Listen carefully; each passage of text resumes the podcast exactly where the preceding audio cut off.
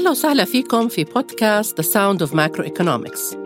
عنوان حلقتنا لليوم الناتج المحلي الإجمالي الإسمي والحقيقي. Nominal GDP and Real GDP الهدف من هذه الحلقة نتعرف على مفهوم ال nominal GDP وال real GDP وأهمية استخدام ال nominal GDP وال real GDP في الاقتصاد الكلي. خلال الحلقة السابقة تعرفنا على كيفية حساب الناتج المحلي الإجمالي ال GDP وتوصلنا لطريقة حساب تعتمد على قيمة الإنتاج النهائي أي ما يسمى بالقيمة المضافة للإنتاج ال value added.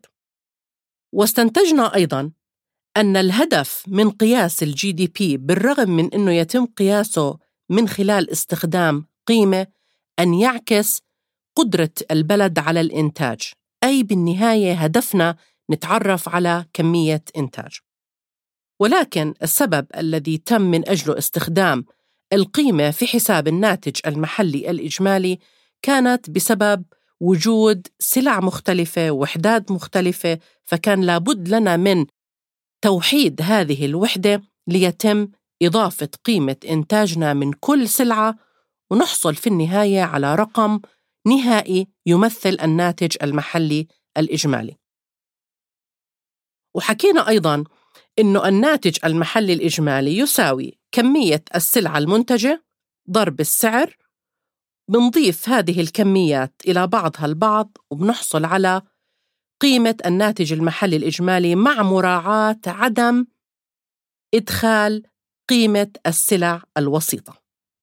لكن للأسف هذه القيمة التي تم حسابها باستخدام الأسعار الجارية قد لا تعكس كمية الإنتاج الحقيقي. لأننا نعلم أن الأسعار متغيرة وتزداد مع الوقت، وهذا قد يؤدي إلى زيادة قيمة إنتاجي من سلعة بالرغم من أنه كمية الإنتاج لم تتغير. إذا إحنا في طريقة استخدامنا لقيمة الناتج المحلي حلينا مشكلة تعدد الوحدات وتعدد السلع، ولكن خلقنا مشكلة جديدة من نوع آخر وهي أنه ليس باستطاعتنا الآن استخدام هذا الرقم اللي هو قيمة الناتج المحلي الإجمالي لغايات المقارنة والتقييم. ولحل هذه المشكلة توصلنا إلى فكرة جديدة وهي أن نقوم بحساب الناتج المحلي الإجمالي بطريقة مختلفة ليعكس الإنتاج الحقيقي. وأصبح لدينا ما يسمى بالناتج المحلي الإجمالي الإسمي Nominal GDP والناتج المحلي الإجمالي الحقيقي Real GDP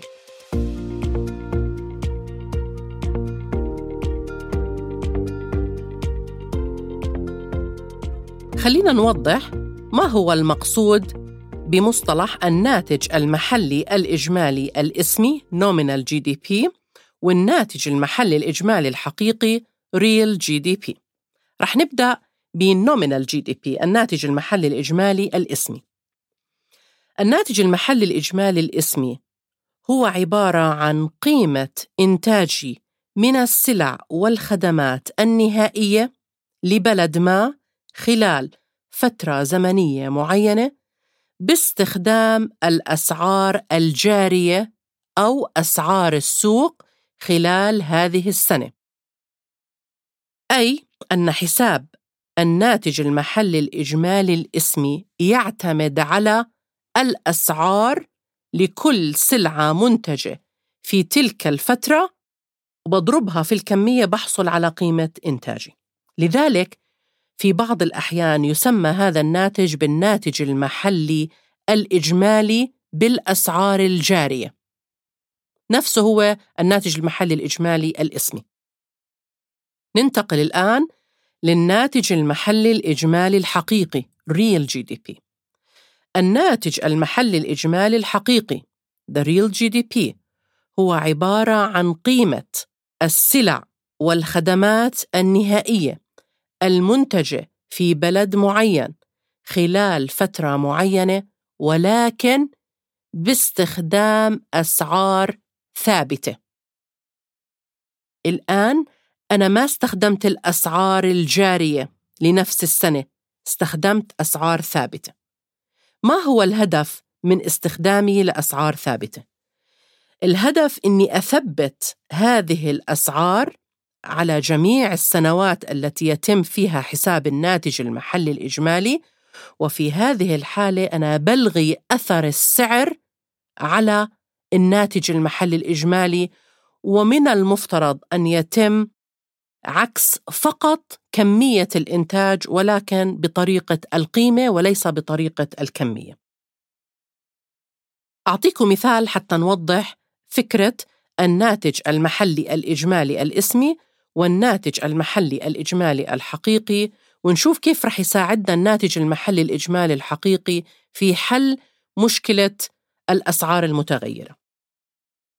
لدينا بلد مثل الأردن تقوم بإنتاج سلعتين السلعة الأولى اللي هي القمح وكمية إنتاجي من القمح هي ألف طن من القمح والسلعة الثانية هي زيت الزيتون وإنتاجي من زيت الزيتون 2000 تنكة زيت زيتون. ما هي قيمة الناتج المحلي الإجمالي الإسمي؟ حتى أحسب الناتج المحلي الإجمالي الإسمي بدي أرجع للأسعار في تلك السنة التي تم فيها إنتاج القمح والزيتون. لنفرض أنه هذا إنتاجي بيعكس إنتاج 2019 حتى أحصل على قيمة الناتج المحلي الإجمالي.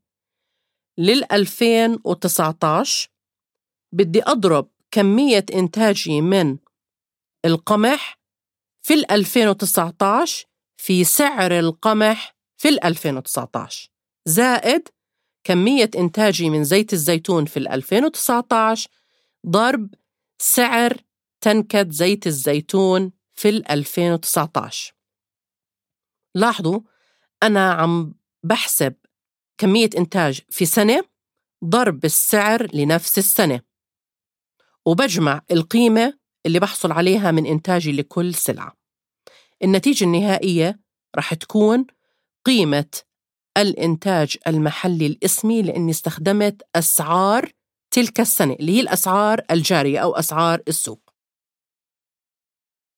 الآن لنفرض إنه الإنتاج زاد في 2020 أصبح إنتاجي من القمح 2000 طن ولكن إنتاجي من زيت الزيتون أصبح ألف تنكة زيت زيتون.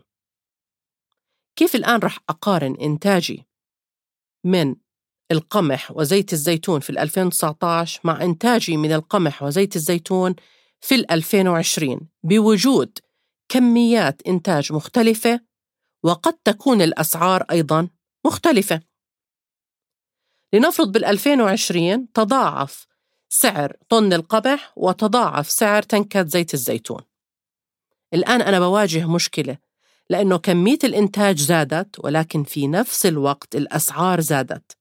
فأنا ممكن حسابي للناتج المحلي الإجمالي في 2020 باستخدام الأسعار الحالية الجارية أو أسعار السوق في 2020 رح تعطيني قيمة مش مضاعفة ممكن تكون القيمة لسه أكبر وبالتالي أنا حتى أقيم إنتاجي ما رح يكون تقييمي مبني على أساس سليم.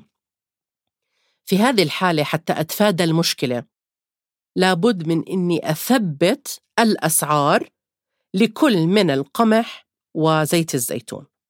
يمكن أفضل طريقة للمقارنة إني أستخدم نفس أسعار ال 2019 في هاي الحالة الأسعار في حساب الناتج المحلي الإجمالي لل 2019 وال 2020 بتثبيت الأسعار أصبحت أكثر واقعية وأكثر منطقية ويمكن الاعتماد عليها في المقارنة لأنه السعر بطل يتدخل في تحديد القيمة خلال سنة 2019 وال 2020 إذا أنا ثبتت السعر وبالتالي إذا حسبت قيمة الناتج المحلي الإجمالي لل 2020 باستخدام أسعار ال 2019 أنا عم بحسب إشي اسمه الناتج المحلي الإجمالي الحقيقي.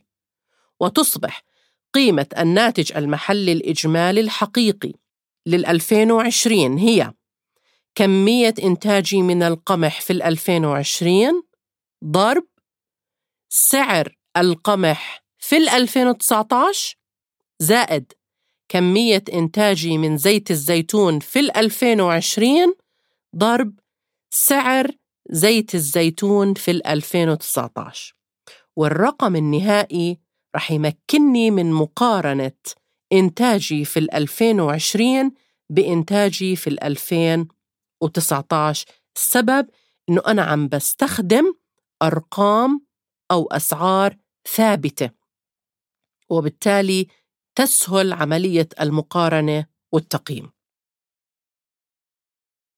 ضروري في أي عملية مقارنة أن أقوم باستخدام الناتج المحلي الإجمالي الحقيقي أي الناتج المحلي الإجمالي الحقيقي الذي يستخدم الأسعار الثابتة. طبعا أكيد في مشاكل ممكن تواجهنا في استخدام آه، الأسعار الثابتة ولكن إحنا بنقارن بالوضع السابق وهو وجود الناتج المحلي الإجمالي الإسمي الناتج المحلي الإجمالي الحقيقي بالرغم من أنه آه، في بعض المشاكل إلا أنه يعتبر أفضل من الناتج المحلي الإجمالي الإسمي في عملية المقارنة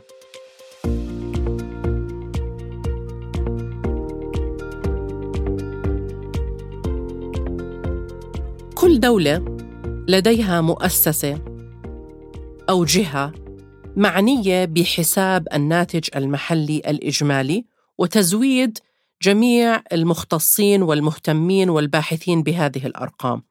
في الأردن على سبيل المثال دائرة الإحصاءات العامة معنية بحسابات الدخل القومي وحساب الناتج المحلي الإجمالي وفي العادة دائرة الإحصاءات العامة تسمي الناتج المحلي الإجمالي الإسمي بالناتج المحلي الإجمالي بالأسعار الجارية أما الناتج المحلي الإجمالي الحقيقي تسميه آه، الناتج المحلي الإجمالي بالأسعار الثابتة.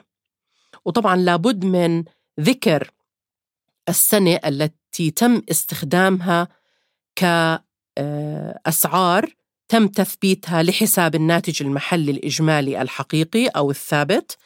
وهذه السنة التي يتم استخدام أسعارها في حساب الناتج المحلي الإجمالي الحقيقي تسمى بسنة الأساس نسميها البيس يير ويجب أن تكون معروفة لدى الجهات ولدى الباحثين وأي مستخدم لهذه الأرقام بأنه تم استخدام على سبيل المثال سنة 2000 كسنة أساس لحساب الناتج المحلي الإجمالي الحقيقي.